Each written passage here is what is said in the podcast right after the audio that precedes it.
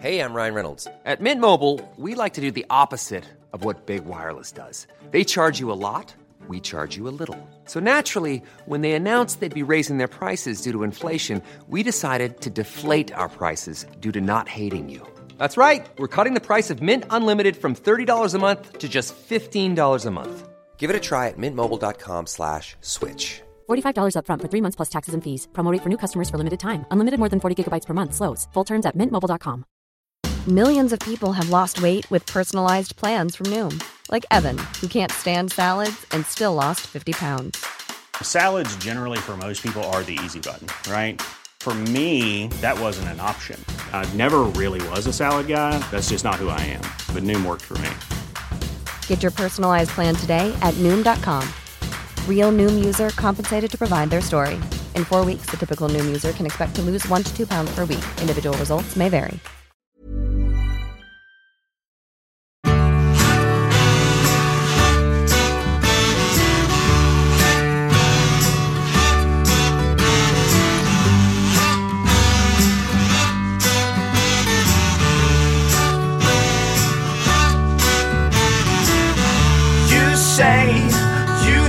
Wanna talk about it. You may rather be choking on it today, whether you like it or not. The words come stumbling out. The next stop's where I get off. Hej och varmt välkomna ska ni vara till eh, veckans samtal. Tillsammans med mig Johan Alberg och idag med ingen mindre än sportjournalisten Marcus Leifby. För er som inte har lika bra koll på vem Marcus är så kan jag berätta att förutom att han är sportjournalist så är han även ifrån den lilla, lilla byn i Småland som heter Älmhult. Och eh, därifrån så tog han sig genom Ljungskiles journalisthögskola, förbi den härliga staden Göteborg där han bodde två år, Tills han beslutade sig för att eh, flytta därifrån och eh, flytta upp till Stockholm och arbeta på Sportbladet under Aftonbladets flagg. Vi kommer prata om eh, Marcus liv som småbarnsfarsa, varför text-tv alltid bör hyllas, om Örgrytes idrottsklubb, om Leifby Live, om Leifbys Big Ten och hans aningen osunda förhållande till Palmemordet. Jag hoppas ni kommer uppskatta samtalet. Jag tyckte det var väldigt, väldigt trevligt att träffa honom. Så varsågoda, här har ni honom, Marcus Leifby. The next stop's where I get off. Och nu blir jag väldigt eh, exalterad här för att vi började prata om eh, Pelle Nyström på TV-sporten. Och då blir jag alltid så här så att jag vill skrika ut min kärlek för denna man. Ja, det är ju fantastiskt. Han har varit i Skandinavien några gånger nu. Pelle Nyström? Mm. Alltid i Skandinavien. Det är, inte Staffan eller? jag skulle säga att det är den bästa, det är nog den bästa hockeyarenan. Skandinavien? Jaha, Ja, jag älskar köper. den. Förutom, eh, ja, Frölundaborg är inte så dum heller. Men det är ju hockey på, en hockeyarena på ett annat sätt. Lite Mm. old school hockey. Mm. Hur mår Marcus Leifby? Jag mår eh, kalas skulle jag säga. Kalas. Ja, men det måste jag säga. Du berättade innan att du är lite stressad, att du är lite, att du inte sover så jättebra på nätterna.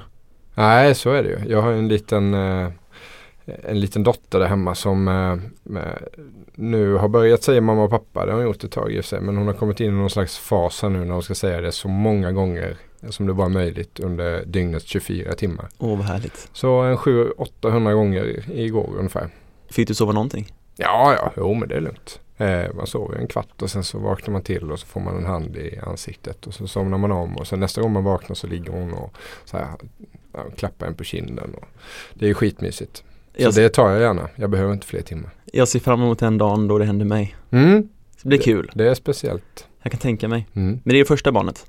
Det är första barnet ja. Mm. Speciellt. Hur funkar det att jobba på redaktion samtidigt som man har barn då?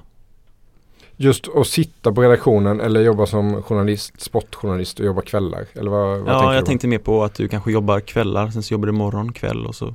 Ja, fast nu blir det mest eh, kvällar. Eh, sport äger ju mest rum på helger eller kvällar. Mm. Så så sätt så. Ja men det funkar väl rätt bra tycker jag. Jag har jobbat en del hemma tidigare. Eh, men nu är jag ganska mycket inne på redaktionen just för att, att det blir eh, lite lugnare. Okej, Jag har, en, jag har en gammal kollega som, som fick barn och han jobbade nätter Mm. och då gjorde han så att han, nu ska jag se om jag säger rätt här, men han sket och gick och la sig när han kom hem Okej. och tog barnet tidigt, tidig morgon. Mm. Sen så vaknade frugan och då tog hon över. Mm. Gör ni något sånt också eller? Nej det gör vi inte riktigt, inte än i alla fall. Det kanske blir så framöver. Men jag är ju oftast inte hemma senare än ett. Okej. Eh, och kan jag då knata i säng, eh, jag kanske kollar lite text-tv och sådär när jag kommer hem och varvar ner lite. Och så kommer jag i säng halv två och så får jag väl kanske sova till halv sju, sju. Och så kanske jag stiger upp då och så tar jag lämningen på förskolan och sen kan jag ju oftast eh, gå och lägga mig igen. Eh, om jag känner för det. När lämningen är avklarad så att säga. Mm. För jag börjar jobba senare på dagen. Okej. Eh, och eh, när jag var hemma hela dagen då var jag ju föräldraledig. Så då behövde jag ju överhuvudtaget inte fundera på, på jobb eller sådär. Vad gjorde du då då? Nej men vi, vi hängde mest. Så. Gick ut, kollade lite, gungade lite, spelade bandy. Eh, Är det någon Ja. bandyproffs där då?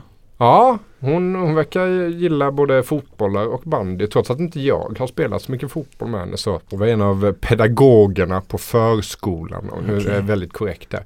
Eh, egentligen vill jag bara säga en av fröknarna på dagis. Men det är tydligen helt åt helvete att säga så. Får man inte säga det längre? Nej men det, det finns en viss skillnad där. Dagis eh, har inte utbildad personal. Och är det utbildad personal så heter det förskola. Och det är viktigt det där? Det är viktigt. Okej, Och det kan man förstå kanske. mm, absolut. Att de tycker det. Mm. Eh, Eller inte. Att det är skillnad.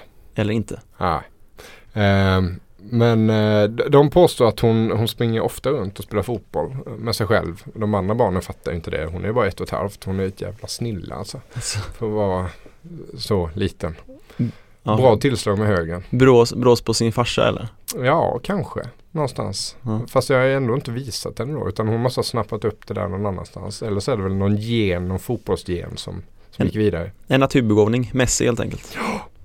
Du, om du själv skulle beskriva vem du är Marcus, hur skulle du förklara dig själv då?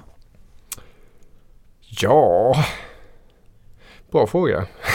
ja, det Jag- är väl jag- lätt jag- att säga Jag ser du främst som sportjournalist. Ja, det är väl lätt att man skulle säga att man, man är det. Jag vet inte varför egentligen. Det borde man kanske fundera på. Eh, men jag skulle nog säga att jag heter Marcus Leifby. Jag är 34 år gammal. eh, 35 om en vecka. Och att jag jobbar som journalist på Aftonbladet. Eh, pappa till eh, en flicka och eh, man till en dam. vi är inte gifta men eh, vi tycker väldigt mycket om varandra. Vad härligt. Det är nog den jag är alltså. Det låter inte så jävla mycket ändå alltså. Det är väl inte fy skam det? Det är väl inte fy skam? Nej, det är det väl i inte. Du är uppvuxen i Älmhult va? Mm, stämmer. Hur var det då? Det var bra. Uh, inbillar mig. Mm. Det var lugnt eh, och gemytligt. Idylliskt. eh, ganska tråkigt emellanåt när man kom upp i, i åldern och ville ut och ha lite rajtan tajtan sådär. Jag Så- var där för typ någon månad sedan. Ja, okej. Det var, det var ju, det är ju en liten by. Alltså, ja, ja, det, det, vi säger byn om man säger vi ses på byn. det är så. Vi säger inte vi ses på stan eller vid Mm. McDonalds för det finns inte. Utan det är, jag drar ut på byn en sväng. Okej. Så tar man sin sylle och så syllar man ut i byn och så hänger man på antingen Patriks video eller torggrillen. Okej, det låter inte så Stureplanigt. Nej det är nog så långt ifrån Stureplan man kan komma. Men fin, finns det bara två på ställen där? gott också, inte bara på ont. Nej, ja, nej, precis. Men är det bara två ställen man kan gå till där eller finns det ställen man kan gå ut på? Alltså två ställen rent generellt man kan gå till. Så här. Det var de två jag nämnde, Patriks video Ah, och okej. torggrill. Nej, eh, ute... Ja. Det fanns rätt mycket när jag var ung ändå fast Alltså dels så fanns det danspalats som heter Silverdalen som varje lördag lockade tusentals besökare. Nu Oj. tar jag i lite sådär men Ja. det var nästan så. Alltså Roxette har spelat det, The Creeps har spelat det, Ronny Ragge. Vilket kanske är ett märkligt exempel men Kent har sett i Älmhult flera gånger. Så, så att eh, det var ett danspalats. Eh, dessutom så finns det ytterligare några sådana här danspalats liknande ställen utanför byn. Att man måste då åka en buss i ja, 20-25 minuter för att komma till de här ställena. Där Dilba och eh, Laila K, Leila K hette hon. Och Mm. E-Type och alla de där kom på lördagarna. Och, Men Men det är mest känt för Ikea eller? Ja det är nog. Något annat som kommer därifrån?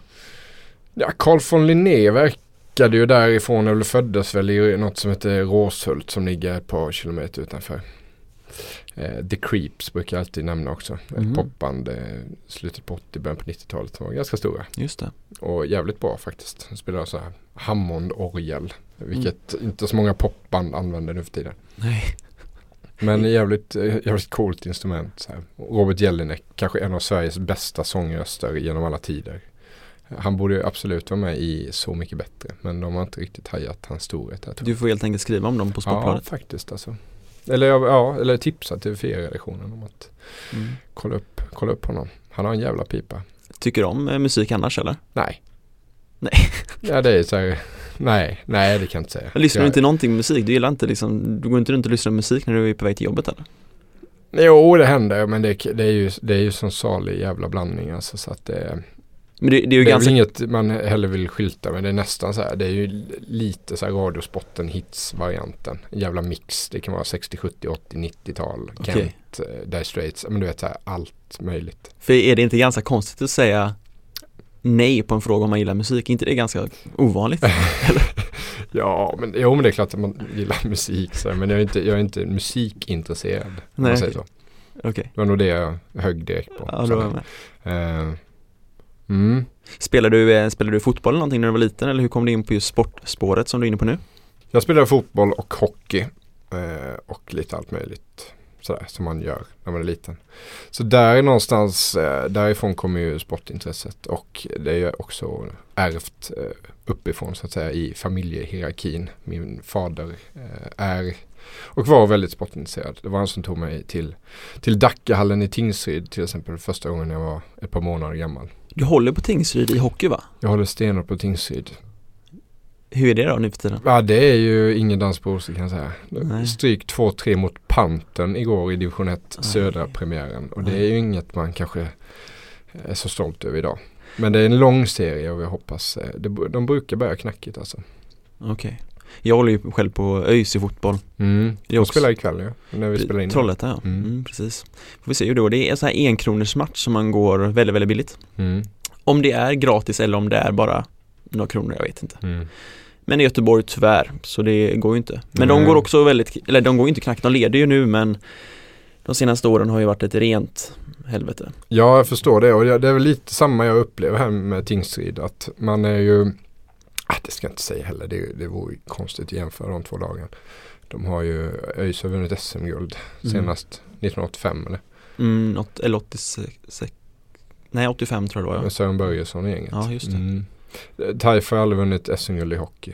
Men eh, när man har någonstans, de var uppe i allsvenskan där ett par tre säsonger. Man vande sig med vid eh, MIF Redhawks och eh, Södertälje och Djurgården. Och, ja men lite sådana gamla storheter kom på besök och spelade i Dackehallen. Nu är det så här Grästorp, Pantern, Mm. eh, Troja, Oj. sådana skitlag. Ja, just det. Är lite, det är lite trist alltså. Och det, då tappar jag faktiskt lite intresse också. att eh, I alla fall eh, den här långa transportsträckan till grundserie. Det, ska, det är först när det drar ihop sig till playoff och kvalserie och sådär. Då går jag all in kan man säga. Men hur bra koll har du på sport? Alltså jag menar att du vet att ÖIS spelar ikväll, hur vet du det? Kollar du det på morgonen eller hur? Ja, nej men det hänger nog ihop med lite olika saker. Jag fick något mail eh, från ÖIS idag. Mhm. Som jag alltid raderar utan att läsa. Nej. Eh, Jo, jag ber om ursäkt för det. Mm. Det ska bli ändring. Eh, Men där de skickar ut, och det var just det där att gå gratis på fotboll ikväll. Jag vet inte varför de mejlar mig riktigt heller. Nej. Det finns väl med på någon lista där. Över journalister som anses vara Sveriges mäktigaste kanske. Mm. Förmodligen. Eller inte.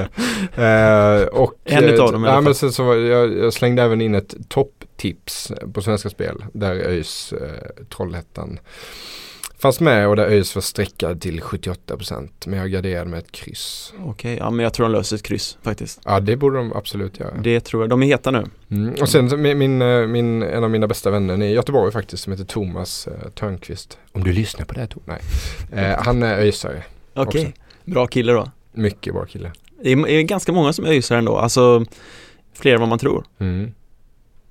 Ska jag säga någon? Jag tänkte spontant på eh, brottaren eh, Micke Ljungberg. som tog sitt liv för x antal år sedan. Precis, han brottades, öisare, ja, han brottades i ÖIS också tror jag, Ja. om inte jag missminner mig. Vad har du för några kändisöisare? Marcus Bero. Mm, ja just det. Sen så har vi ju även Erik Hamrén och Åge Hareid som har tränat ÖIS. Mm. Det är inte eh, Men är de öisare då? Det hoppas jag. Ja. jag. Har i och för sig hört en intervju med Erik Hamrén där han sa att han trivs väldigt, väldigt bra i ÖIS och- och att han hade fått något eh, erbjudande av Geis att träna dem. Och att till och med hans eh, döttrar hade sagt att du kan inte träna Geis om du har tränat ÖIS. Nej. Så då så struntade han i det. Är det värre att träna guys än att träna Blåvitt? Nej, jag skulle nog hellre vilja ta Geis. Alltså jag, ha, alltså jag hatar ju Blåvitt. Mm. Nu kommer jag säkert få massa skit för det men alltså Det är verkligen de, de värsta konkurrenterna även om de ligger två serier över oss Mm. Så jag kommer ihåg de här derbyna eh, på tidigt 2000-tal På Nya Ullevi, ÖIS, Blåvitt, 50 000 på läktaren Mm. Jag såg ett av dem. Kom Alltså, var det när ÖIS vann eller? Ja, det minns jag inte. Jag minns inget resultat där. Kommer du ihåg Paulinho Guara och Alfonso Alves då? Ja, absolut. Björn Ankle, men han spelar ju fortfarande fast i Häcken då Ja. Som, var- som senare följdes upp med ytterligare en brasse som var rätt duktig. Alton Almeida. som Just det, Såldes för en, massa pengar. just det Jag träffade faktiskt ett par av dem när jag var mindre Jag gjorde sån här eh, studiebesök på ÖIS-gården Och då träffade jag dem, eh, ett par av brassarna De kunde inte ingen svenska knappt Men jag hälsade på dem i alla fall Sen hade de även, eh, oj vad heter han nu då? Eh, Backen eh, Sören Järelöv. Nej, han var gaisare. Ja. Gammal målvakt på 80-talet. Men det var väl långt tillbaka. Jag träffade Dick Last Dick Last, Dick Last. han eh, Magnus Kjellander, fina fötter. Kjellander Han har spelar fortfarande. mm, Uppe i Stensund eller sånt där eller? Det är mycket möjligt Han, är- han måste vara över 40 nu Ja, det. Ehm, Sen har vi även Albeck därifrån mm. Det blir mycket ÖIS här nu men det är så, får- så får det Ja, vara men det är fint. Men det, hur, hur kom du in? Erik. Prytz, ja. ja. Eller? Mm, Prytz, heter han Erik eller är det DJn som, eller heter de samma? Det finns ju en som heter Erik Prytz, en DJ Ja, det är sant. Men eh, Men du är Prytz, så mycket yngre än mig så du har ju, håller ju koll på de där mm, diskjockeyna. mm, det är väl ingen favoritmusik så men Men, eh, jo då. Hur, eh, hur kom du in på skrivandet då? Ja du, det är, en, det är också en jävligt bra fråga. Jag jobbade på Ikea som, som så många andra gör där nere eh, och eh, först utbildade mig till IT, eh, inom IT och blev IT-tekniker. Eh, jobbade med IT-support eh, men kom väl fram till att jag inte tyckte att det var så jävla kul på jobbet. Jag kommer ihåg just den dagen när jag insåg så här att vad fan jag måste hitta på någonting annat. Och det var ett ganska hyfsat jobb och det finns ju otroliga karriärsmöjligheter på ett sånt företag som Ikea. Men att sitta där med ettor och nollor och dator, datamaskiner sådär. Jag fattade att jag kommer inte vilja göra det här. Hur gammal var du då? då? Jag var en 23-24 kanske. Okej. Och eh, då började jag fundera på hur fan skulle man kunna jobba med sport någonstans? Då hade man ju ett jättesportintresse. Man såg allt och följde allt på alla sätt och vis. Och så resonerade jag med mig själv och insåg ju ganska snabbt att jag kommer aldrig bli någonting. Även om jag själv spelade fotboll så, här, så kommer jag aldrig kunna leva på det. Vilket eh, kanske var lite eh, så här, hängskalletänk någonstans. Eh, jag såg väl inte riktigt möjligheterna. Ehm, Alternativet då är ju kanske att träna eller gå med i någon slags föreningsverksamhet och göra den typen av resa. Eller att, att eh, rapportera om sport. Och det här är ju en sån jävla klyscha alltså. Men eh, jag har alltid haft lätt för att skriva och uttrycka mig på det sättet. Ja men lite så var det Mm. faktiskt alltså. Mm. Jag var en jävla Pelle Jöns i skolan men eh, jag hade en livlig fantasi och sådär. Men svensklektionerna var Ja, men jag kunde skriva. Jag minns eh, en av få ljusglimtar eh, som jag stod för i, i, under skolåren var någon slags sån här uppsatsskrivning som någon läste upp, någon lärare. Jag kommer inte ihåg exakt vilken lärare det var. Men eh, det var en jävla stolthet i det. Det var, det var inte så ofta man ens verk eh, eller resultat eller vad det nu var för någonting lyftes på det sättet. Oftast var det att man fick skäll eller något sånt där. Eh, så, så lite därför tror jag att jag sökte mig och, och Men- på, på dagen, samma dag som jag satt där bakom min datamaskin så, så sökte jag faktiskt, eh, så började jag kolla hur jag skulle gå tillväga och vad jag skulle utbilda mig och sådär. Och så sökte jag någon, eh, någon skrivarkurs på Ljungskile folkhögskola. Kom in, gick den, började frilansa lite för de lokala tidningarna. skrev så här eh, matchreferat på 1000-1500 tecken. Samma journalisthögskola som Robert Laul. Exakt, vi har gått på samma skola. Gick ni ungefär samtidigt eller gick han före dig? Nej, han gick ett par, tre, fyra år före mig. Men visste ni om varandra, alltså kände ni varandra på något sätt innan, eller när ni gick där eller Nej. visste ni inte vilka ni var? Nej. Inte en aning. Eller jag visste vem Laul var när jag började plugga där sen jag gick den tvååriga utbildningen precis som han gjorde. Och då hade han ju börjat jobba eh, på Sportbladet. Så då, och vilket jag läste och tog in mycket information från. Som så många andra. Så jag visste vem Laul var såklart när jag började plugga. Hur var det att gå där då? På Jo, Högskolan? men det var väl eh, skoj. Eller vad man ska säga. Det var väl givande. hur, må- hur många procent killar var det där? Var det, kan det ha varit 90 procent killar eller var det ungefär 50-50? Ja det var 50-50. Är det så? Eh, och det, är en, det var ingen sportjournalistutbildning. Eh, då hade det säkert varit 90-10 tyvärr. Eh, Det känns som de flesta söker sig till journalistyrket är män nu för tiden. Det kanske är fel, jag vet inte. Ja, ja, det där vill jag nog ha, ha på pränt om jag ska Ja, jag jag hör av mig till dig senare så skickar Ja. jag. För jag vi ju... var 50-50 i, i vår eh, klass eller i vår kull. eller vad man Okej. säga. Min... Sen var det ju, alla killar blev ju sportjournalister, alla tjejer eh, Ja, jag blev något annat bättre journalister höll jag på att säga. Okej. För min, eh, det jag läser nu, då är jag den enda killen Mm, i min klass. Mm. Och vi är, från början var vi 35 eh, typ och fyra killar. Tre har, två har slutat och en har fått gått om. Mm. Så jag är själv nu. Mm. Så jag tänker lite att beroende på vilken inriktning du väljer så är det antingen mansdominerad eller eh, kvinnodominerat. Men det kanske inte var så på Journalisthögskolan som jag tänkte då. Nej, jag upplevde inte det så i alla fall. Och jag tror att eh, dels klasserna som gick eh, före Eh, vår och efter var 50-50 baserat. Jag tror skolan eh, anpassade det så också. Det var antagningar. Eh, dels var det något, något slags intelligenstest. Eller så här, vad heter det? Nutidsprov och skrivtester och sådär. Och intervjuer som, som de baserade antagningen på. Och där i den processen så tror jag att man var ganska noga med att se till så att det blev så, så mycket 50-50 som, man, som det kunde bli. Okej. Och efter, efter avslutad högskola så flyttade du till Stockholm eller?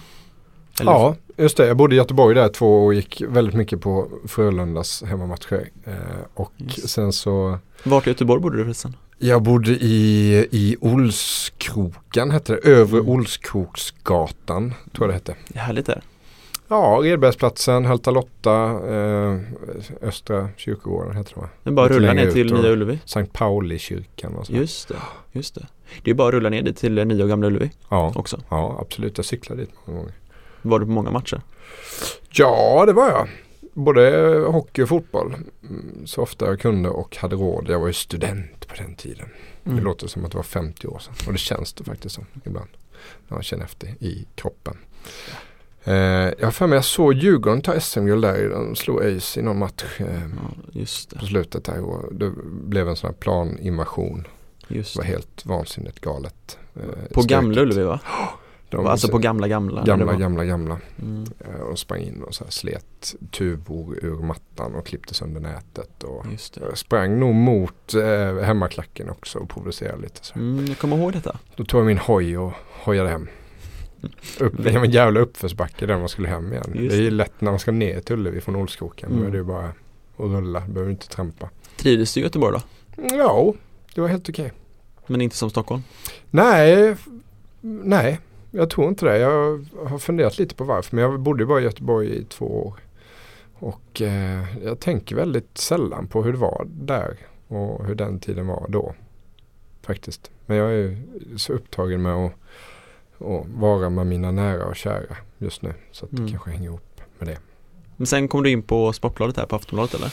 Mm, jag var tidigt ute. Man, det är väldigt mycket praktik sådär när man eh, läser till journalist vilket är jävligt bra. Eh, man får ge sig ut och se vad fan det är som väntar när man är klar. Eh, och då var jag tidigt ute och sökte på Sportbladet. Eh, hos Marianne Petersson som fortfarande är någon slags personalare här.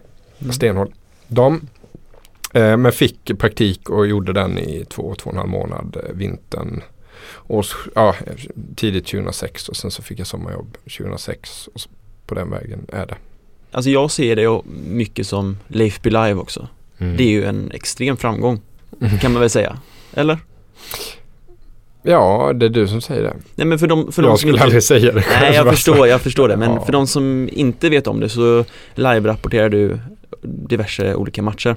Jag försöker live-rapportera allt möjligt och jag har nog gjort det mesta. Så jag har till och med gjort eh, en sån här riksdagsdebatt, partiledardebatt i riksdagen. Det måste Eh, vara svårt. De ville skicka mig på Breivik-rättegången i Oslo men det, det låg lite dåligt till för vi skulle ha barn och sådär. Jag hade jobbat väldigt mycket och kände att man åker inte bara till Oslo och riva av den där eh, på samma Nej. sätt som man skriver en fotbollsmatch utan jag såg att det, det krävs rätt mycket förberedelse och sådär. Jag hade inte det i mig riktigt. Sen, sen hade det varit en jävligt intressant grej att göra såklart och, och en viktig grej att göra. Det var ju ett otroligt allmänintresse kring det där. Men, ja, eh, verkligen. jag hade inte det, kraften i mig riktigt då. Vad är rekordet som har suttit och följt dig på Leif Be Live? För jag kommer ihåg, utan att du svarar nu, så jag kommer ihåg att det var någon junior-VM-match som det var helt sjukt mycket folk. Och det Ja. var på natten, kommer jag ihåg. Ja, Två det var, sedan, ja sedan, precis. typ. Det var nog framåt tolvslaget någonstans. Undrar om det inte var någon VM-semi eller kvart mot Finland. Eh, men då hade vi lite flyt eh, för att jag var ju inte på plats. Det spelas i Kanada där och det var inte läge att skicka mig bara för att sitta och live-rapportera. Eh, utan jag gjorde det hemifrån. Och sen gick ju då typ Kanal Digital eller Kom Hem ner. Och det är ju så här 8 av 10 eh, blev av med matchen någonstans. Och jag hade boxer hemma. Och det, var, de, det, det funkade. Okej. Så då, då hade man ju ingenstans att vända sig. Eh, utan till mig. Så det var inte min förtjänst på något vis. Det var ju mer så här eh, Guds vilja. Men hur, hur många som var det som kollade på det då? då? Jag kommer inte ihåg riktigt. Alltså, och jag är så jävla jag ska inte säga att jag är helt ointresserad men jag hinner inte riktigt kolla upp hur många det är som kollar. Och sen när jag är klar så är jag oftast så, så trött och så här helt urlakad verkligen. Eh, det är rätt intensivt att så här sitta och följa en match och, och skriva det man ser samtidigt som man håller koll på vad folk undrar och skriver till mig. Så det är rätt många moment som man är rätt slut efter så här tre timmar. Är det du som Och då brukar jag glömma bort så här, hur många var det som läste idag och så åker jag hem och lägger mig istället. Okej.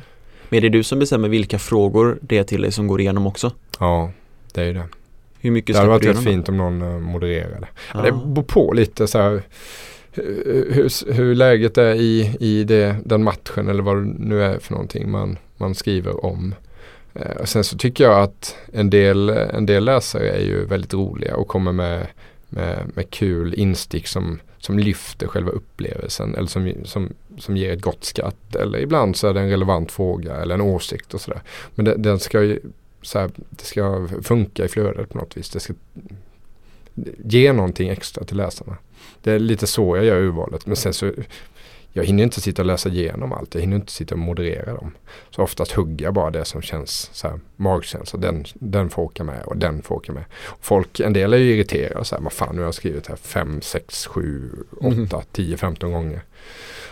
Så de klagar och då brukar jag ofta lyfta in de som skriver att jag kommer aldrig med. Och så får de med den Mm. kommentaren istället. Bara att jävlas lite.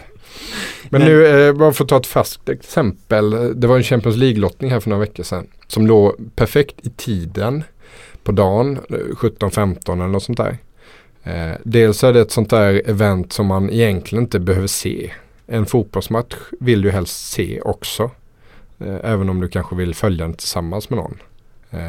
Men den lottningen skiter man ju Det vill man inte, behöver man ju inte se. Det är ju någon gubbe som står och drar en bollar i en så här glasskål. Och då var det nog uppåt på en timme, en och en halv, där hade vi nog över 250 000 alltså. Och när jag hörde det blev jag lite, så här, lite spak. Jag fick lite scenskräck nästan. Nu hörde jag det efteråt så att det, det påverkade inte min rapportering. Men man blev lite så här, oj, en, en kvarts miljon som var inne och läste det jag skrev. Vad fan skrev jag egentligen? Ja, men det måste ju vara fantastiskt. Det är ju en fin eh, plattform. Jo, absolut. Men det, det, det har ju inte med mig att göra. Det har ju med Aftonbladet att göra. Jo, men jag kan ju garantera till att det är många som går in där och känner igen ditt namn och vet att du live-rapporterar väldigt roligt också.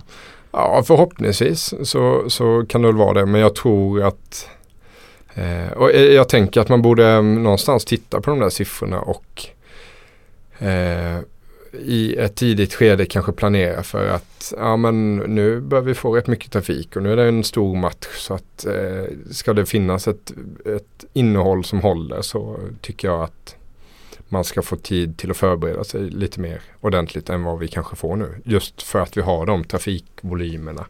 Att det är inte någon, eh, man kan inte sitta där och laja och tramsa sig utan har vi en kvarts miljon som är inne och läser då vill man ju faktiskt kunna bidra Mm. med något både brett och djupt och det ska liksom vara en mix där på något vis. Och underhållning såklart.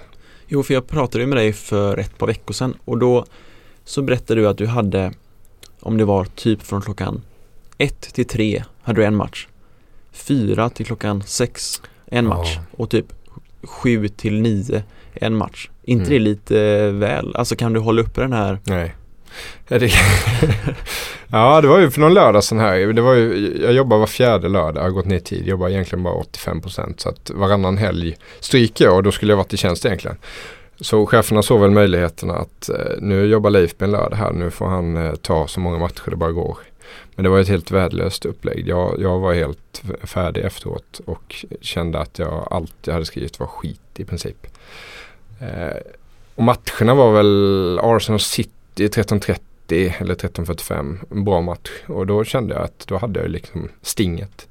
Eh, sen så var det Paris mot Rennes. Eller Rennes, Paris, PSG. Eller PSG mot några som du Ja, jo, men då kände jag att man blev, var lite så här, fan, jag hade aldrig, jag, ja, nej jag hade aldrig tittat på den en lördag. Nej. Om jag hade Nej. varit ledig. Liksom. Nej, Ja, det men det, det är väl bara för att det är Zlatan mot Ja, Ola jo, så är det. Så är det. Och att jag jobbade. Mm. Men någon hade förmodligen gjort den ändå. Och sen var det Real Madrid, Atletico Madrid på kvällen där, derbyt i Madrid.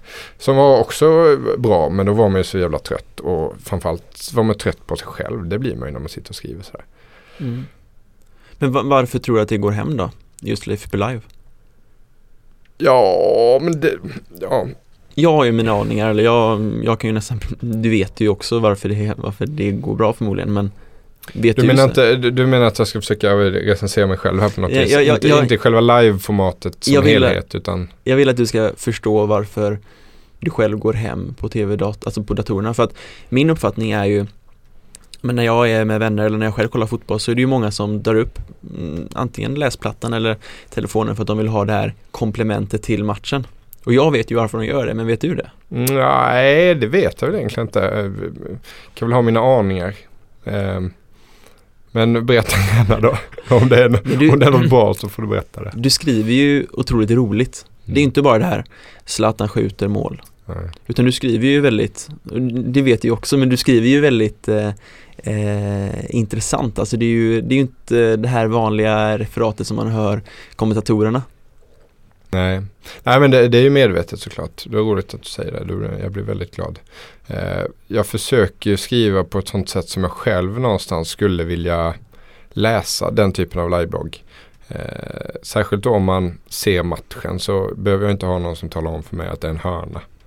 Eh, då vill jag istället att någon kanske beskriver den hörnan på något konstigt sätt. Eller vad det nu är för någonting. Något roligt sätt eller något intressant sätt. Eh, och där är ju The Guardian är ju jäkligt bra på, på det. De, nu var det ganska länge sedan jag följde deras livebloggar men när jag gjorde det i begynnelsen någonstans så, så var det ju det jag fastnade för, tonen i det hela. Att det inte var Alltså man kan ju göra det knastertorrt men då ska det vara en tanke med att göra det knastertorrt. Att det knastertorra ska tillföra någonting. Eh, I så fall. Att man gör en grej av att det är knastertorrt. Och vad, vad, vad är grejen med knastertorrt? Det har du också skrivit. Jag ska läsa upp här vad du har skrivit. Du har skrivit, så, Okej. du har skrivit så här till mig då. Mitt liv är fladdrigt just nu, men ändå så ofladdrigt det kan bli. Mest dagis och snor och jobb. Har kollat igenom ett spelschema för Allsvenskan, Premier League, SHL och Hockeyallsvenskan nu. Knastertorrt. Snedstreck M. ja, ja. Nej men knastertorrt är ju när det är... Vad fan ska jag förklara? Men du har ju många sådana uttryck som är liksom Men Bosse Hansson var ju knastertorr till exempel. Ja, men någon som så här knappt så här, eh, höjde brösten. En sån här Sverige tog, ett, tog sig vidare i VM 94 så var det va. Jaha, det var bra. mm. Lite så här. Då är man, han var ju knastertorr. På ett fint sätt tycker jag. Ehm, och även då kanske i det här fallet i mejlet där så menar jag väl att det inte fanns något som stack ut. Nej. Utan så här, det Ängelholm, Ljungskile ikväll. Det ju, Mm. känns ju så här knastertorrt på förhand. Ehm, Men just Trollhättan däremot, det. Nej, det, det visste jag ju inte då när jag skrev det. Hade jag, då hade jag ju formulerat mig annorlunda. såklart. uh, ja, nu tappade vi säkert tråden någonstans. Men ehm, Nej men äm, åter, återgå till äh, Leif Be Live, för jag kommer ihåg, äm, ska vi se, det var förra Sverige-matchen, eller om det var, nej det var Sverige-matchen mot Sverige-Estland, vänskapsmatchen där. mm, Och jag kommer bara ihåg någonting, för jag satt och följde det också, för jag satt och kollade på matchen. Och då skrev du någonting att, um, någonting med att Forsberg gör debut och han har lyckats med någonting som ingen annan lyckats med, typ bli tunnlad två gånger på en minut eller något sånt där. mm. Att du, att, för det var någon som frågade hur det gick för Forsberg. Kommer du bara på sånt direkt eller sitter du liksom och, och tänker under tiden eller liksom det är ganska roligt formulerat, nu kanske det inte blir jättekul när jag formulerar det åt dig men eh, Nej, jag tycker det var jätte... Nej, jag eh, Nej, men det, det mesta kommer nog spontant. Så är det nog. Eh, så måste det. Alltså det finns ju ingen tid till att sitta och fundera egentligen. Så fort man lyfter in en fråga så gäller det att hugga på den direkt på något vis. Eller eh, något som händer så får det ju eh, får komma som det kommer. Eh, med ett visst filter såklart som man har. Ibland kan man ju inte slänga ur sig precis vad som helst som dyker upp i huvudet. Det finns ju en del exempel på när man säkert har gått över gränsen lite och varit lite så här lite för tramsig. Men eh, det som kan vara lite knepigt och som kanske inte folk tänker på i det eh, formatet är ju att man ska försöka tillfredsställa dels de som sitter och tittar på matchen och som vill ha eh, någon slags analys eller eh, någon kul beskrivning som ger dem någonting. Eller den här kompisen bredvid. Eh, samtidigt så finns det de som inte ser matchen och som är i behov av, jag vill veta vad som händer. Att ly- lyckas kombinera det på något vis. Att dels vara rapportören och dels vara, ja, vad ska man säga, krönikören eller eh, den som eh, tycker också om det som sker mm. Hur ofta sitter du här på redaktionen? Det är och- inte helt enkelt. Nej det förstår jag verkligen Fan jag försöker höja mitt, mitt jobb här nu på något vis. Att mitt, min, min roll att den är helt, det är som att ta sig till rymden. ungefär. Nej absolut inte men det är, eller jag tycker det är en En stor bedrift att kunna beskriva någonting på uppstuds och göra det på ett bra sätt. Det är inte så många som kan. Jag tycker inte ens det är många som kan förklara saker och ting på ett eh, nyanser, eller inte nyanserat men på ett speglande sätt när de får en timme att sitta och, snacka, och som skriva ner matchen exempelvis. Nej. Nej, där kan jag ju känna att det är en fördel ibland att bara skicka ut det direkt alltså. Eh, det, det som dyker upp spontant. Den stämmer ju oftast den bilden. Det man känner direkt. Eh, det kan jag ofta stå för i efterhand också. Så här. Ibland blir det inte bättre av att du har en deadline som ligger tre timmar bort. Då får du ju tre timmar på dig som, som du någonstans känner att du borde ut, utnyttja för att få till det så jävla bra som det bara går. Till slut sitter du bara och petar i det. Och de texterna blir oftast inte så jävla bra alltså. Är det många texter som du skriver som du är tvungen att skicka ut fast du tycker att det är skit egentligen? Ja, Eller händer det, förekommer det liksom? Jo, men alltså kanske inte just i stunden så. Att det är väldigt sällan jag lämnar ifrån mig något som är så här. Fy fan vad pinsamt, vad dåligt det här är. Men det kan ju finnas texter som är. Ja, fan det här är lite jobbigt. Det hade kunnat bli bättre. Men ah, ja, det är inte hela världen. Det får Mm. duga. Eh, däremot så kan man ju läsa texter i efterhand, så här ett eller två år senare. Så man bara. Åh fy fan vad pinsamt. Alltså. Det ligger alltid där liksom. Ja, ja, jag var inne nu innan du kom och så var jag inne i min, min inaktiva blogg. Jag tror inte jag har bloggat på över ett år här nu. Men den, den skvalpar liksom i bakgrunden någonstans. Ifall någon hugger på mig så kan jag alltid ta upp bloggen och damma tillbaka där. Mm. Ehm, men så var jag inne där och bara, fy fan. Så jävla pinsamt alltså. Jag läste faktiskt den också. Usch. I- Vissa formuleringar och ibland har man velat så här, nu ska jag vara hård här, nu ska jag ta i, nu ska jag sätta ner foten. Och man bara så här, åh fy fan vad pinsamt det. Fan, trodde, vem trodde du att du var här liksom? Som, Skiten måste ut också ju. Annars Ja. blir det ju inget bra. nej, det Det kan ju inte bara vara högkvalitativ journalistik eller? Nej. Nej det är sant. Men det kan ju vara så här, det, det är inte journalistiken i sig som kanske har varit dålig utan det är så här, vissa formuleringar. Man har velat så här, nu ska jag vara skarp och nu ska jag slå näven i bordet här och säga vad jag egentligen tycker och tänker. Och så har man tagit i lite för mycket och, och så får man ett års distans till det så ser man ju det där. Usch! Usch ja. Jag mår lite illa nu. Men eh, nej, absolut inte. Men hur, eh, hur ofta är du på plats och eh, livekommenterar? Hur ofta är du på redaktionerna och hemma? Eller så här? Kan det vara någon gång du sitter ute på en, kanske inte på en pub, men liksom ute på något annat ställe? Nej, det var ganska länge sedan nu. Eh, nej, oftast är jag ju tyvärr på redaktionen. Eh, landskamper händer att jag, jag åker på eh, om de spelas i, i Sverige. Annars så, så gör jag ju dem härifrån. Jag bevakade ju landslaget under tre, fyra år. Då var jag på plats lite överallt och gjorde ett EM där 2008 bland annat. OS eh, i London 2012 var jag på plats och eh, for runt och gjorde så allt från Wimbledon, nej Wimbledon var det inte men tennisen tennis. ute i Wimbledon eh, till brottning och friidrott och sådär. Hur, hur skiljer det sig åt att kommentera fotboll till tennis till brottning? Fotboll pågår ju i princip i 90 minuter utan avbrott. Sådär. Eh, Medan eh, ett, ett friidrottspass till exempel, där finns det en del dödtid emellan eh, grenarna. Eh, brottning samma sak mellan matcherna. Om man då kanske riktade främst under ett OS så är det ju svenskarnas matcher. Eller svenskornas matcher som är intressanta. Om det är en bulgar som möter en Israel i 56 kilos klassen så kanske inte det är det som toppar sajten här hemma. Utan det är ju så här fokus. Och då, då har du en halvtimme däremellan som blir lite, det går ner i tempo. Vilket kan vara ganska trevligt faktiskt. Nu på slutet så har jag börjat fundera på om man inte skulle försöka ta tag i de lite längre eh, eventen som inte är så tempostarka. Jag tänker på så här Stensons sista runda i en eh, major-tävling till exempel. Det skulle vara jävligt kul att göra. Ja, Det är inte så här och skott och, och sen vändning. Och så, det är ju hur mycket dödtid som helst. Det är så här ett utslag. Sen tar det 24 minuter innan de hittar bollen och har gjort sig klara och koncentrerat sig tillräckligt mycket för att slå. One size fits all seemed like a good idea for clothes Nice dress. Uh, it's a it's a t-shirt. until you tried it on. Same goes for your healthcare. That's why United Healthcare offers a variety of flexible, budget friendly coverage for medical, vision, dental, and more. So, whether you're between jobs, coming off a parent's plan, or even missed open enrollment, you can find the plan that fits you best. Find out more about United Healthcare coverage at uh1.com. That's uh1.com. Hey, I'm Ryan Reynolds. Recently, I asked Mint Mobile's legal team if big wireless companies are allowed to raise prices due to inflation. They said yes. And then when I asked if raising prices technically violates those onerous two year contracts, they said, What the f are you talking about, you insane Hollywood ass? F- So to recap, we're cutting the price of Mint Unlimited from $30 a month to just $15 a month. Give it a try at mintmobile.com slash switch. $45 upfront for three months plus taxes and fees. Promo for new customers for limited time. Unlimited more than 40 gigabytes per month. Slows. Full terms at mintmobile.com. There's never been a faster or easier way to start your weight loss journey than with PlushCare.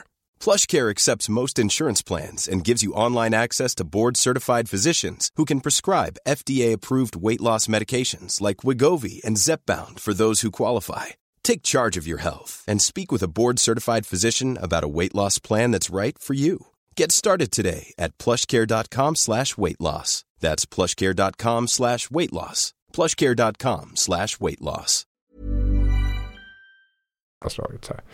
Den typen av eh, event skulle vara rätt kul att testa. Jag har faktiskt inte gjort så mycket golf. men det måste vara, alltså även för att kan jag tänka mig att du får lite tid att kunna formulera dig eller hur du, eller lite mer. Eller ja, kanske och blir- det kanske blir, det kanske blir jättedåligt då. Ja, Helt plötsligt tar jag tid på Ja, det mig. kanske och blir pannkaka. eh, vad fan hände här? Du måste kanske ha den där stressen, jag har ingen aning. Ja, ja, men stressen och det snabba kan alltid, det kan vara ett litet, litet skydd också. Om man så här uttrycker sig jävligt dåligt så kan man ju alltid skylla på att men jag hade bara fyra sekunder på mig. Ja, precis. Har man 40 minuter så finns det ingen, ingen ursäkt att komma med. Nej. Du, eh, du gjorde också någonting här på Aftonbladet eller Sportbladet som jag tyckte om väldigt mycket, Leif Bys Big Ten, när du var runt i, i Europa och eh, ja, fokuserade på olika fotbollsklubbar. Mm. Hur var det att göra det? Det var jätte, jätte, jätte kul. Dels så var vi ett fint gäng som jobbade ihop. Vi blev väldigt goda kamrater, kände inte varandra tidigare. Utan eh, så här, de byggde en konstellation som de trodde på. Och sen så följde det sig så väl så att vi tyckte mycket om varandra också. Eh, bastade mycket tillsammans och så här. Såg varandras eh, skavanker. Ehm. Jag hörde att eh, kameramannen inte alls var intresserad av fotboll nej, Sen- det, vem är det som har berättat det? Det är Robert Laul som har Nej, skrivit den. inte. Ja, det var fantastiskt. Det var första resan vi skulle göra till England så, så träffades vi ute på Arlanda.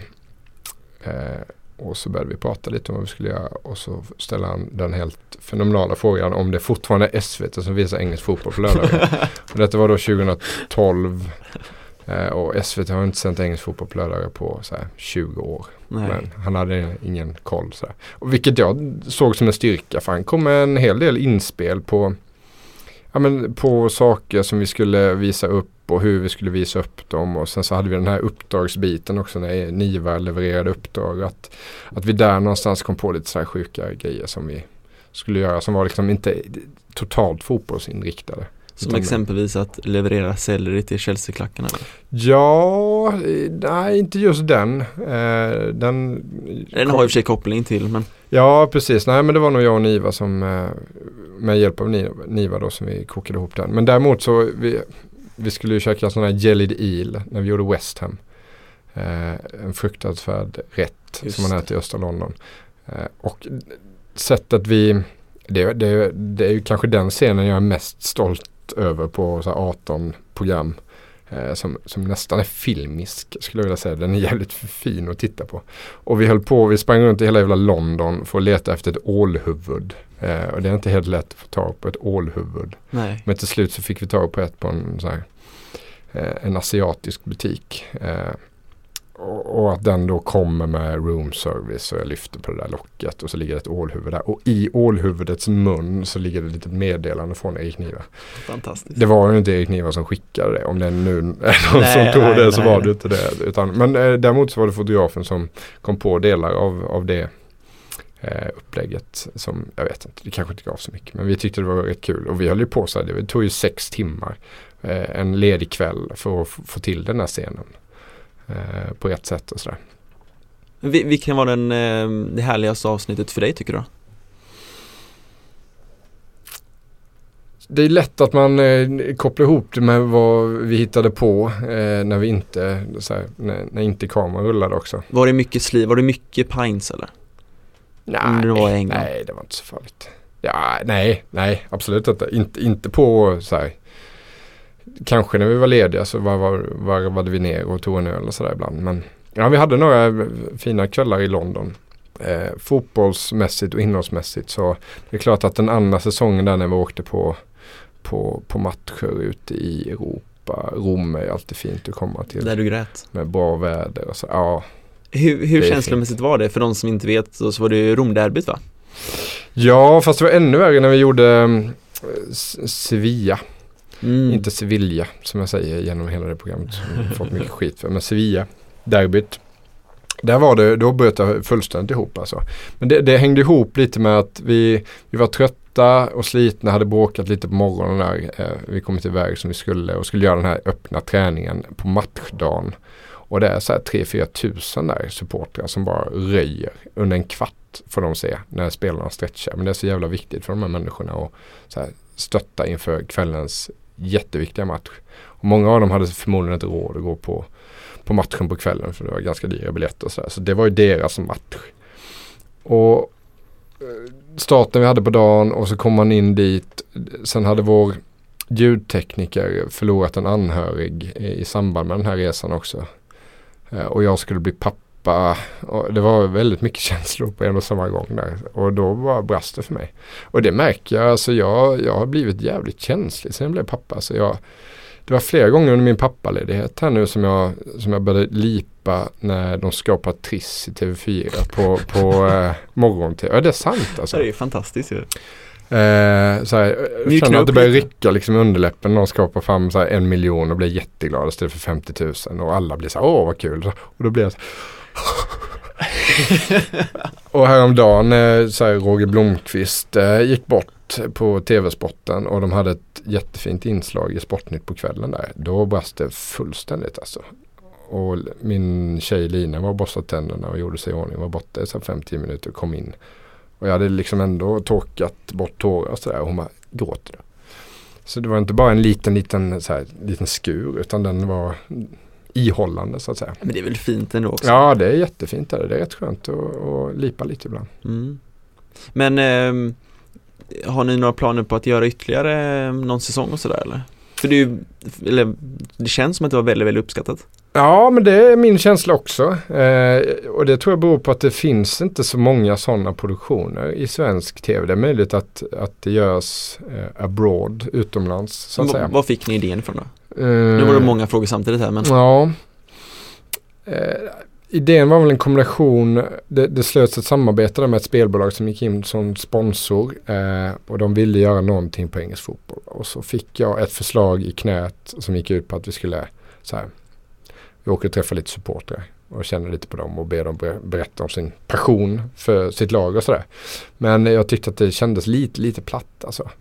Eh, och från början var det inte tänkt, det fanns ju inte den här uppdragsbiten till exempel fanns inte med och vi skulle inte gå på några matcher och sådär. Och jag tyckte att det kändes lite platt och tyckte att man, man kan fila till lite. Så att eh, det fanns väl eh, dels ett intresse från Aftonbladet att, att göra något webb-tv-mässigt och sen så fanns en stark sponsor ska jag väl säga som gick in med ganska mycket pengar som gjorde det möjligt att vi kunde vara fyra man och åka så mycket som vi gjorde. Det, det rullade lite kulor.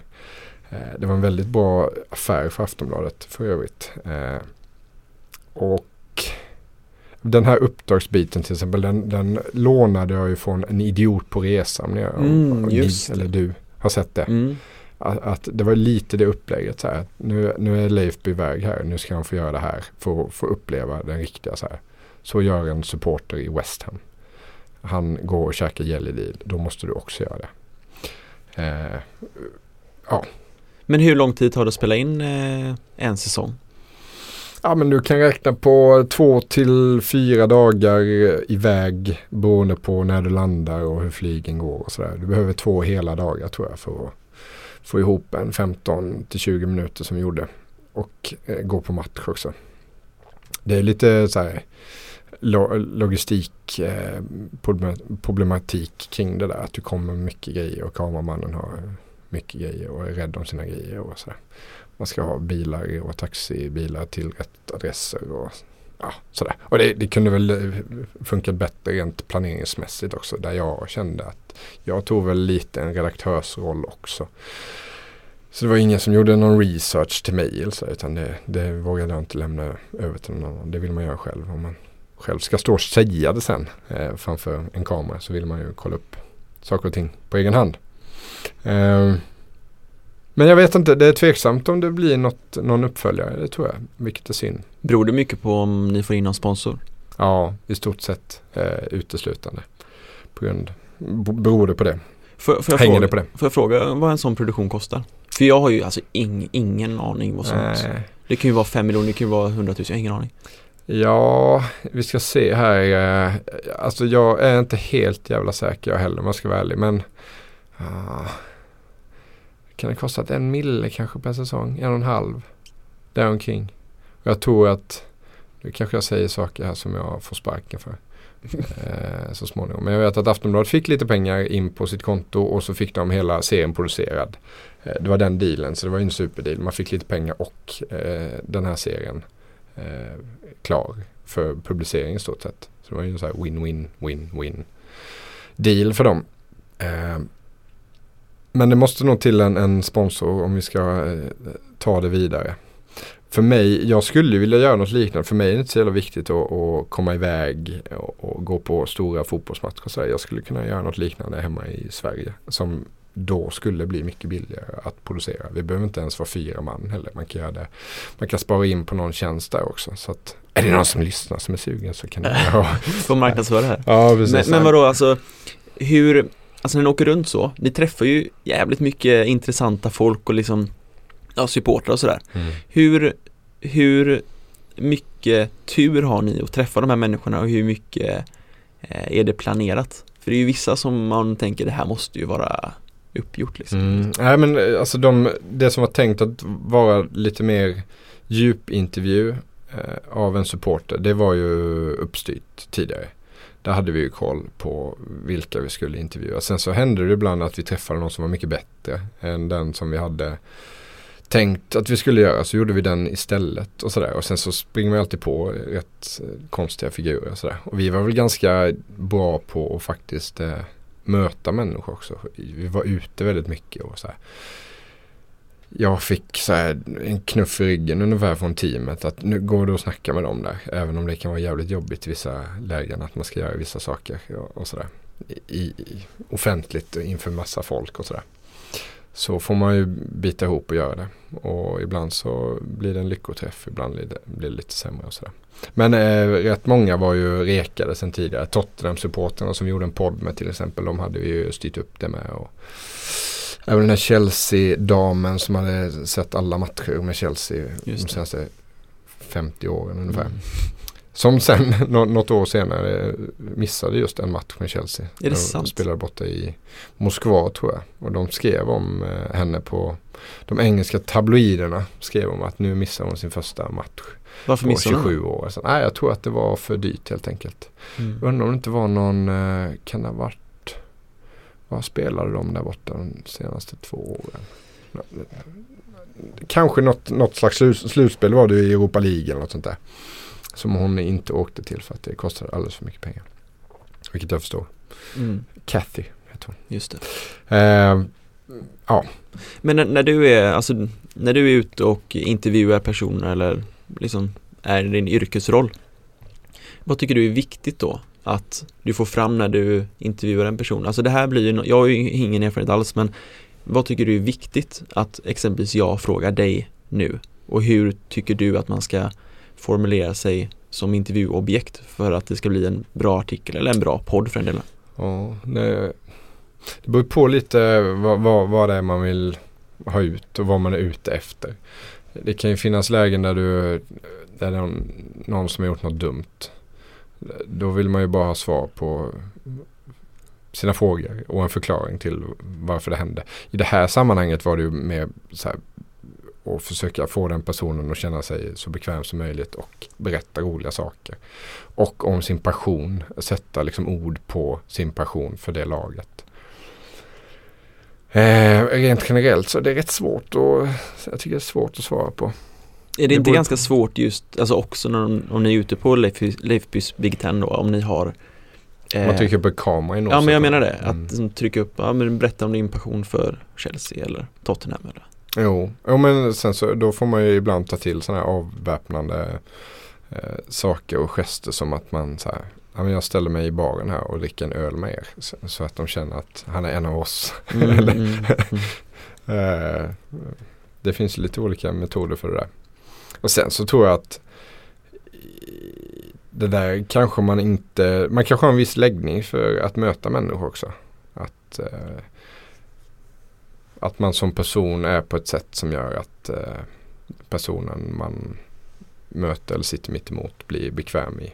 Som nu till exempel, jag sitter ju otroligt avslappnad här och det känns väldigt trevligt.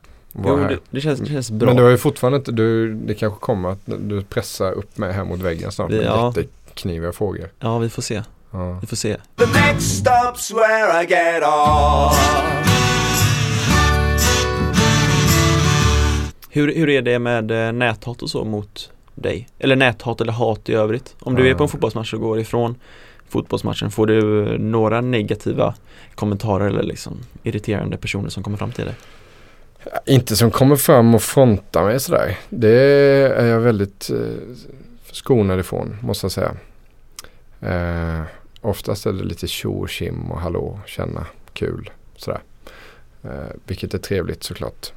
Sen på nätet så händer det väl att det dimper ner en del skit både lite här och var i mejlen och på Twitter och i den här livebloggen. Det gör det. Men eh, jag är överlag väldigt förskonad från det måste jag säga. Sen så räcker det att eh, det kan vara 28 personer som tycker att du är världens bästa. Och så är det en som, som skriver någonting som med, lite, med lite grund i på något vis. Man känner någonstans att det där var inte så jävla dumt tänkt. tänkt. Då är det ju den som nyper. Alltså. Så är det ju. Svarar du de som skriver eller? Ja, men jag försöker svara de, de flesta. Eh, dock inte i, i den här live-miljön är det svårt att sitta och svara på alla eftersom det pågår en fotbollsmatch också eller vad det nu är för någonting som jag ska bevaka och skriva om. Men eh, om folk mejlar och twittrar och så här så, så försöker jag svara. Så tipset till de 250 000 som, som var med och lyssnade på det där, mejla istället. Ja, då ett mejl. Då får ni svar. CC är min chef också. Mm. Eh, sen är gulliga. Eh, men, nej, men jag, jag vill verkligen säga jag är otroligt förskonad jämfört med många av mina kollegor. Framförallt mina kvinnliga kollegor.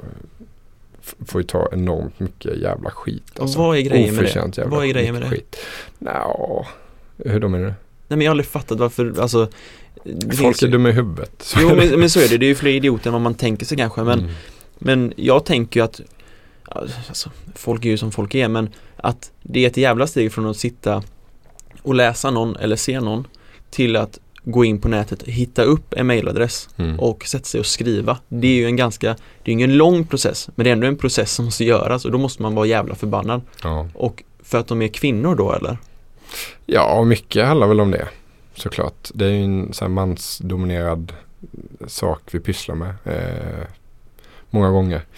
Och mycket män som tittar och eh, har väl lättare att trycka dit en tjej då tycker man väl kanske. Eh, som inte kan någon sport. Så här, inom situationstecken. Mm. Vad det nu heter. Citattecken. Mm. Situation. Eller vad, vad säger man? Både och. Jag tror citat är när man Med eh, fingrarna. Det här borde ju du, du kunna ja, Jag tror citat är när man citerar någon och citation när man När man betonar eller att, Ja. att det är Jag har ingen jävla aning Men sen så går det ju rätt snabbt idag. De flesta har ju Twitter, Twitter och Instagram och sånt där. Där kan man ju, det är bara 5-10 sekunder bort så kan man ju spy ur sig någonting. Eller så går man in på ett anonymt eh, forum, de här fega små kräken som gör det. Och, och skvallrar helt, ja, otroligt otäcka och, och okänslosamma och taskiga saker. mm, Som inte har Flashback någon, ja, precis. Det är ett Mm. jävla, jävla tillhåll. Är du inne och kollar där någonting? Nej, jag försöker faktiskt undvika det. Eh, mest för att jag vill inte bjuda på några, någon trafik. Mm, Och jag är inte speciellt intresserad av vad som står där heller. det är bra tror jag Ja, det är Inte för att jag tror att det står så jättemycket om dig men det står ju en jävla massa skit där Ja, jo, jag vet. Jag vet. Jag har ju hört mycket saker. Andra som har berättat om vad som står där och sådär. Ja, nej, fy fan. Det, det, det skippar jag. Du, du är också otroligt intresserad av Palmemordet har jag förstått Ja, tyvärr höll jag på hur, att säga. hur kommer detta sig? Det kommer väl sig så att det, alltså inrikespolitiskt eh, så är det ju en av de absolut största nyhetshändelserna de senaste hundra åren. Eller vad man ska säga, senaste 50 åren. Då. Eh, och träffade väl inte bara de som var eh, tillräckligt gamla för att ta in informationen utan även vi som fanns runt omkring de här människorna som tog det väldigt hårt. Eh, jag var en sju år och minns ju den där dagen som precis som många andra som är över 30 minns den. Ehm, och att det fortfarande än idag eh, inte är klart och tydligt eh, bevisat hur det gick till eller vem som gjorde det. Det är fortfarande rätt många frågetecken och ja, en gåta eller vad man ska säga. Eh, kanske inte i ordets rätta bemärkelse men det, det är ingen dömd för det. Nej, Och det finns fortfarande en massa så här eh, suddiga eh, områden i den där utredningen som är lite suspekta. Som gör att man någonstans säger vad fan, hur var det egentligen? Ja men det kanske var Christer Pettersson. Lisbeth har ändå pekat ut honom. Polisen ju det. Men ja, har du en egen han är inte teori? dömd. Han är inte Nej. erkänt. Han är Och inte... han är ju bortgången också Ja, han är borta ja. Men har du en egen teori om vem det var eller hur det gick till? Nej, Ingenting? nej. Det, ja, det är därför Du vill inte kalla dig själv för privatspanare? Nej, precis. Ingen kan kalla mig för privatspanare för jag är ju inte det. Jag är journalist. Men hur ofta tänker du på just Palmemordet då? Tänker du på det veckovis eller?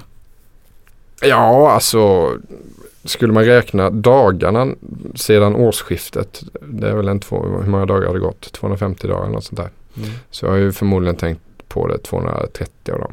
Är det Har du tänkt på det idag? Ja. Vad tänker du då? då? Ja, idag, jag pratade med en kollega om det idag. Så lite löst. Vad händer? Som man gör? Gör ni, jobbar ni på det eller? Ungefär så. Ja. Och så frågar jag, ja, ja, jobbar du på det? Ja, så. Ja. Så du är en pråspanare ändå fast du inte outar det? ja, nej men jag är journalist. Jag, jag är intresserad mig för ja, men dels sanningen. Eh, men även för, eh, vad ska man säga, hela Palmeutredningen anses ju vara, eller räknas som en av världens största mordutredningar. Och det, det själva fenomenet kring utredningen, att den har växt och blivit så stor och att den har intresserat människor under så många år. Det kan jag tycka är intressant. Det finns ju de som har lagt ner år av detta, av sin privata tid för att försöka komma närmare sanningen. De så kallade privatspanarna. Det är också intressant. Så det är nog människorna runt omkring också som jag intresserar mig för. Och det pågår en utredning. Det finns en kille som heter Dag Andersson som är spaningschef numera för Palmegruppen. Eh, han är en av Sveriges mest erfarna mordutredare. Hur kommer det sig att han sitter där och vad gör de? Vad gör Mm. de? Mm. Det är, snart är det 29 år sedan. Så här. Vad har de gjort det senaste året? Ja, hur, hur ja. gör man liksom en tisdag mellan 8 och 5? Vad pysslar de med? Det är ju jätteintressant. Det skulle jag vilja veta. Jag hörde någonting om det, eller jag såg någon intervju eller någonting med, om det var han då Men att eh, att de, de menar ju på att ja, men det kommer in nya, ny information hela tiden, att de måste bearbeta all information och, Men Mm. det låter ju helt sjukt ju Ja, precis. De, de lär väl inte sitta liksom i, i, telefonen ringer väl inte hela tiden. Men blir det aldrig preskriberat eller? Nej, mord preskriberas inte längre i Sverige? Eller hur är det? Är det alla mord? Alltså kanske det, är. jag kommer inte, jag, jo, eller? Ja, jag undrar det alltså. Eller? Ja, Eller man- 50 år då kanske? Eller, eller just statsministermord. Men det har vi ju tack och lov inte så många. Fler än många andra länder Ja. Eller statsminister, men ministermord har vi ju ja. två Men ehm, ja, och sen har man ju förstått att det är mycket administration också. Att eh, folk begär ut saker och ting och att det ska prövas och att man ska leta rätt på den informationen åt folk. Att mycket tid går åt det. Men, så här, men det kanske jag tar reda på en vacker dag. Tror du att Vad som någon, händer i Palmerummet. tror du att det någon gång kommer att lösas? Ja, det brukar ju förr eller senare krypa fram om det vad som faktiskt har hänt. Det finns det ju några exempel på. Jag tänker på DC3 bland annat. Det kom det ju fram långt senare, typ 50 år senare, att de faktiskt var ute och ägnade sig åt eh, signalspaning trots att den, den officiella versionen var annorlunda. Om du skulle få en vild gissning här då och gissa på om det är en ensam galning eller en konspiration Ja. Ja men jag, då gissar jag på, jag måste gissa på en, en, en liten konspiration. Jag tror ju att eh, även om Leif GW har skrivit böcker på det temat och med den storyn så, så tycker jag ändå att han förtjänar att få mitt förtroende. Om han tror att det är och har gått till på ett annat sätt. Då, då tror jag också lite på det för jag tror på honom. Och jag har tänkt på det där att nu säger han själv att han inte vet någonting mer men det kanske han säger bara för att det inte ska bli för hårt tryck på honom. Men eh, om jag själv satt inne på information gällande dådet och jag kände så här, fan jag måste få ur mig det här på något vis. Jag orkar inte bära det mer. Eh, jag måste gå till någon som jag kan lita på. Då skulle jag inte vända mig till eh, den svenska polisen kanske i första hand. Utan GV skulle kunna vara en sån person. Han har ju suttit på sån information tidigare och varit en sån Just person det. man vänder sig till i olika lägen. Mm. Intressant Så tror jag. Du, Mark, Eller det kanske är ett önsketänkande också. ja, du, vi, vi, vi får väl se Kanske kommer fram en vacker dag Just nu läser jag faktiskt Ingmar Krusell som var biträdande spaningschef till Hans Ölvebo. Eh, hans Mm. bok som heter Palmemordets nakna fakta.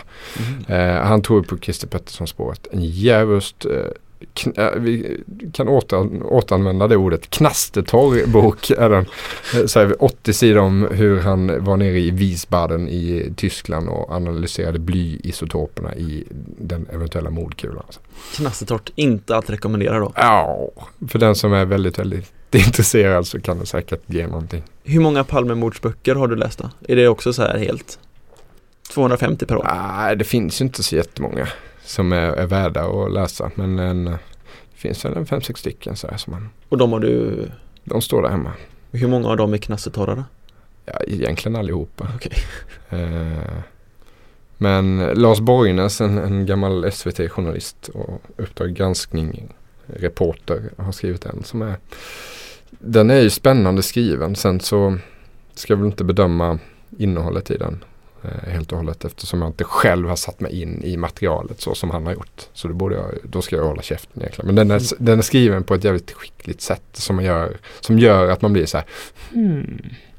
Men det där, man, det, är, det är tolkningsfråga. Man kan tolka det på olika sätt. Ett, en, ett vittnesutlåtande som blir fem olika utlåtande eh, av samma vittne. Då kan Ja, man ju välja vilken del man vill tro på. Vad, vad det hen sa första gången eller sista gången. Eller så här. Mm. Och det är väldigt mycket sådana sån fakta i, i den här utredningen som gör att man kan så här, pussla ihop sin egen lilla teori. Du var ju med i Filip och Fredriks Mm, när de mm, hade mm. 20, var det 28 år eller? 28 Ja, det var väl egentligen i samband med den här Palme-dokumentären som det. kom då för, det är väl två år sedan. Då var det ändå ganska många som var väldigt insatta. Ja, precis. Inklusive dig För själv. insatta nästan egentligen. Ja, det var lite konstigt. Jag kände inte att jag, jag fick ur mig något vettigt där. Men då satt man ju med Leif Pagrotsky och Lena Melin och eh, Filip och Fredrik och alla de är ju ganska vana vid att ta för sig i en radiohit eh, eller i det sammanhanget. Och jag satt mest och käkade kexchoklad i ett hörn. Och här får du ingenting av mig. Det är du som bjuder på kaffe. Ja, men det gör jag så gärna. Tack. The next stop's where I get off. Man ska alltid kolla på ÖIS i alla sammanhang. Tycker du det? Ja, är du allvarlig? tycker, ja, det tycker jag. Varför då? då? Ja, men det, det, det är väl fint. Det, det, är bra, det är bra grejer. Sveriges mest anrika klubb. Alltså går det att se ÖIS på, på, på nätet och sådär? Om jag skulle vilja se ÖIS Trollhättan Ehm. till exempel. Kan jag se den då eller? Ja, du kan kolla på... Den streamas. Mm. Någon, jag kommer inte ihåg vilken sajt det är, men det är viss, vissa går faktiskt. Ehm, jag fick ett litet, uh, vet du vad Snapchat är? När man, tar, man kan ta bilder Mm. och så tas de bort efter någon sekund. Jag har en kompis från Göteborg som eh, jag frågade vad han gjorde för någonting. Då tog han ett fem sekunders klipp på datorn, han satt och streamade en fotbollsmatch med ÖIS. Det var kanske hundra på plats. Otroligt deppigt. Men det går, så jag, jag, jag kan kolla med honom om du vill, om du verkligen vill kolla på en match så ska vi tillåna det Leifby. Ja. ja, vi får se när det drar ihop sig här. Ett Mm. toppmöte med, vilka ligger i toppen där? Oddevold eller? Nej, Nej, Utsikten. Just Utsikten. det. Lund. Kiken som man säger. Kiken. Jag har fan mött Kiken alltså. Jag spelade i Kållered eh, SK. Eh, Innan då de fick ehm, Nej, vi hade ju för fan Robban Bergkot som tränare, så var det ju. Du, Det är en gammal ÖISare. just det, just det. Bärkeroth ja. Mm. Ehm, jag har en liten inside information om dig, kommer på nu. Okej. Vill du berätta om din sista match? Den som, den som betyder att jag fortfarande förmodligen om jag skulle försöka återuppta den där knackiga fotbollskarriären innebär att jag är avstängd. Ja, ungefär. Ja, ja. Varför vet jag detta och har du sagt detta någonstans? Jag vet ju varför jag vet det, men har du, har du gått ut och sagt? Ja, det tror jag inte. Vill du Det berätta är om inget det? jag skyltar med. Ja, jag, jag kommer inte ihåg vilka vi mötte men det var en kvalmatch upp till division 3. Och eh, jag tycker att jag blir, eh, de får en feldömd straff. Jag går in kropp mot kropp och den här killen faller ganska enkelt. Jag blir så jävla upprörd så jag sätter typ handen i bröstet på domaren och ger en liten knuff. Han spelar över lite. Men det är ju såklart rött såklart. Och på väg ut i besvikelsen eh, så vandrar jag mot vår bänk av någon anledning. Att det är dit jag ska. Inte ut i omklädningsrummet. Och då står linjemannen ute på linjen och så här vinkar med sin flagga och är där, du ska inte gå hit. Och då har jag eh, på den här Golgata-vandringen eller vad man ska kalla det eh, dragit av mig tröjan som jag då väljer att hiva mot linjemannen och så här träffa honom. Jag hörde att du tog upp den så här, jag vet inte kanske lite, att du tog upp den och la över honom. Jag la, det så kanske jag gjorde alltså. Ja, jag hoppas nästan att jag gjorde så. Ja, det är ju, fort, Det det är- är ju fantastiskt, det är ju som en Zidane, eh, liksom, en sån utgång är det ungefär. Att jag bjöd på tröjan alltså. Ja. Ja. den är nästan bättre. Ja, det kanske var så. Alltså, jag får prata med min pappa som var uppe och kollade. Ja, han har sett en match eh, som jag gjorde i kolla. Han kollade på allt jag spelade egentligen då. Men då bodde jag en 30 mil därifrån. Men kommer mamma och pappa upp och kul fotbollsmatch, kvalmatch och så här. Marcus, sonen, gör bort sig fullständigt inför så här 300 åskådare. Skämdes eh, ögonen ur sig stackaren. Jag kanske la den på domaren men det innebar ju så här eh, avstängd i fyra månader eller något sånt där. Jag var inne och bad om ursäkt efteråt men det hjälpte inte. Det är en Luis Suarez alltså. Ja, Nej, men, fy det, fan men det var din sista, sista match. Man ska ju avsluta med stil. Mm, absolut. Det ska man absolut göra. Nej, vad fint. Ja, vem är det som har berättat den då? Det här är alltså, Är det en sån snackis som går liksom i Göteborgs eh, undre värld? nej, jag pratade med, nu ska vi se, om det var i veckan, men en polare och jag berättade att jag skulle spela in med dig på måndag. Och så berättade han att du hade spelat, för han är också från Kållered, Okej. och du hade spelat med hans bror tror jag. Ja, Och hans bror hade berättat för min vän, ja, och min vän berättade detta för mig då. ja. Och Vad hette hans brorsa då? Vad heter han i efternamn? Karlsson Karlsson. Ja. med Mm. K. Karlsson med K. Mm. Ja, nej men det, det, det var en mörk tid i, i min, min fotbollskarriär. Mm. Pinsamt. Äh. Idiot. Är det någonting som eh, jag inte har tagit upp med dig som du trodde att jag ville prata med dig om, Marcus? Nej, nej det brukar vara. Jag var faktiskt eh, DN har ett lördagsmagasin som heter Lördagsmagasinet tror jag. Eh, och jag var citerad där i helgen. Eh, och de få gångerna någon annan journalist kontaktar mig för att, för att fråga om någonting så handlar det antingen om VM 94-krönikan, mordet på Olof Palme eller text-tv.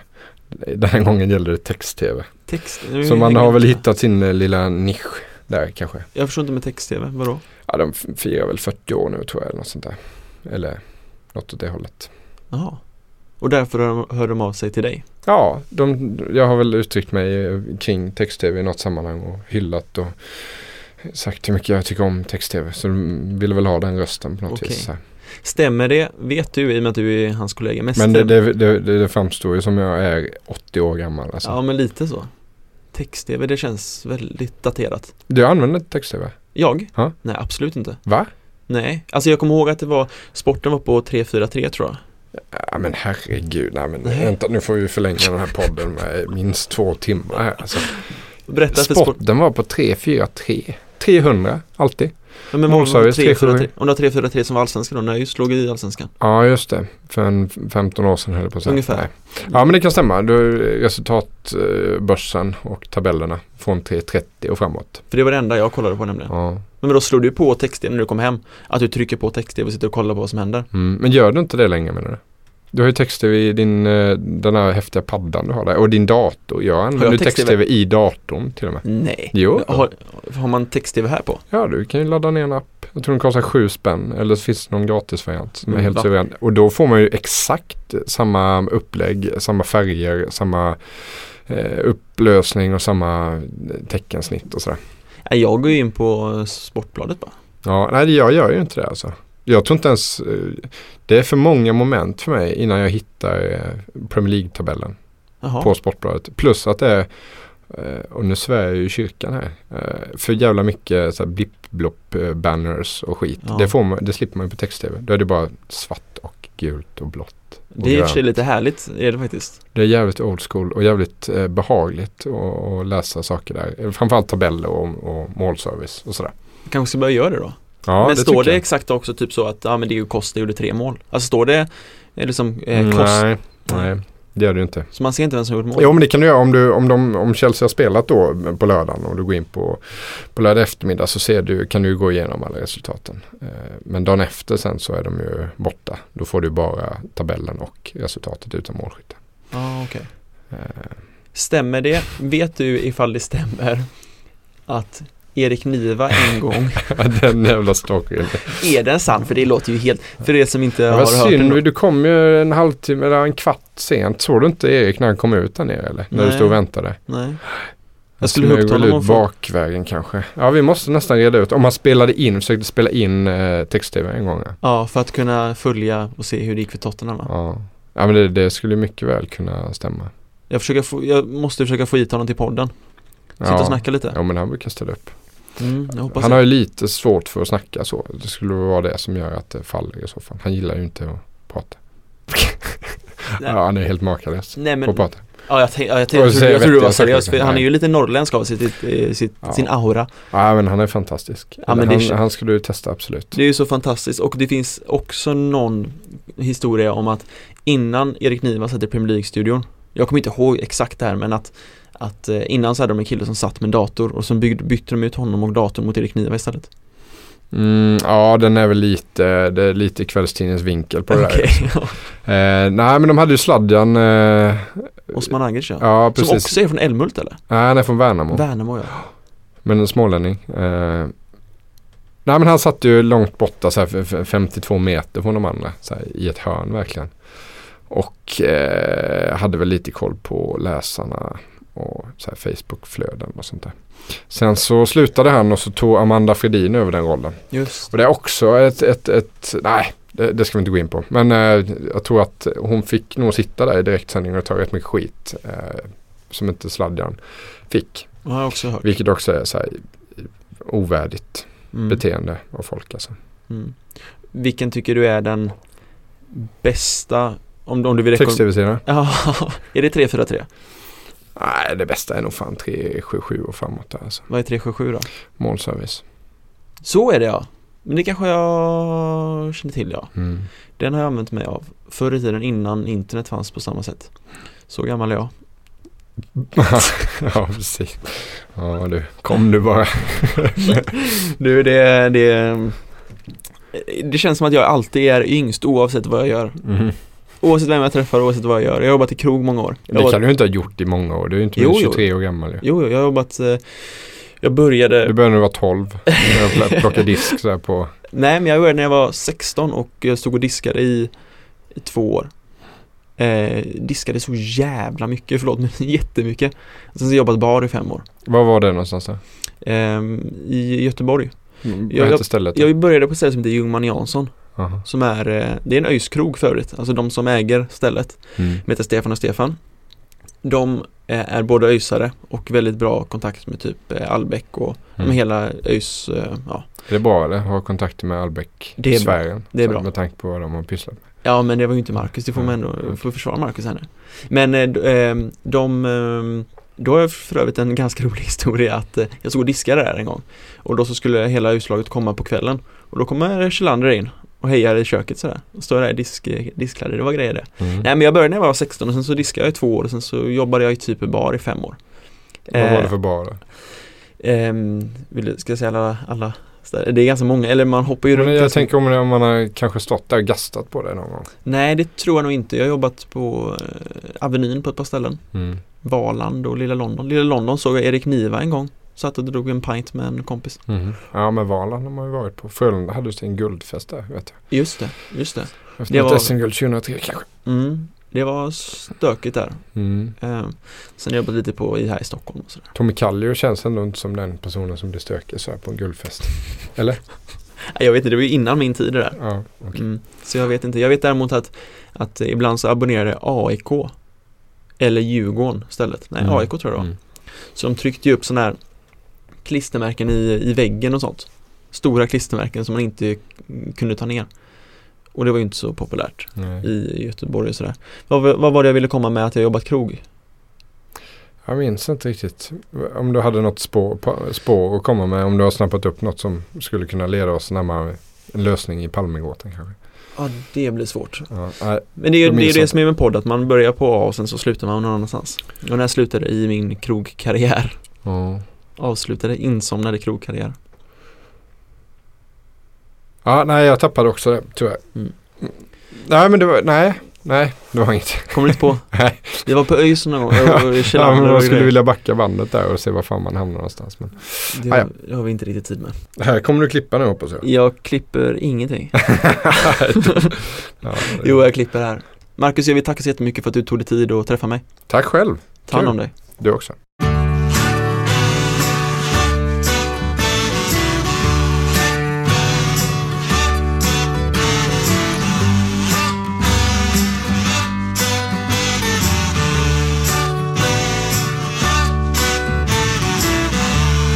Say you don't wanna talk about it. You may rather be choking on it today. whether you like it or not. The words come stumbling out.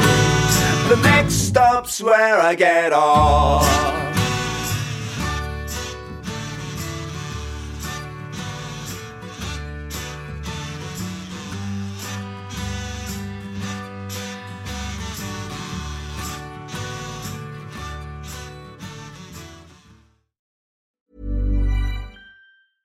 Imagine the softest sheets you've ever felt. Now imagine them getting even softer over time. That's what you'll feel with Bowl and Branch's organic cotton sheets. In a recent customer survey, 96% replied that Bowl and Branch sheets get softer with every wash. Start getting your best night's sleep in these sheets that get softer and softer for years to come. Try their sheets with a 30-night guarantee. Plus, get 15% off your first order at bowlandbranch.com. Code BUTTERY. Exclusions apply. See site for details.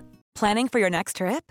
Elevate your travel style with Quince. Quince has all the jet setting essentials you'll want for your next getaway, like European linen, premium luggage options, buttery soft Italian leather bags, and so much more.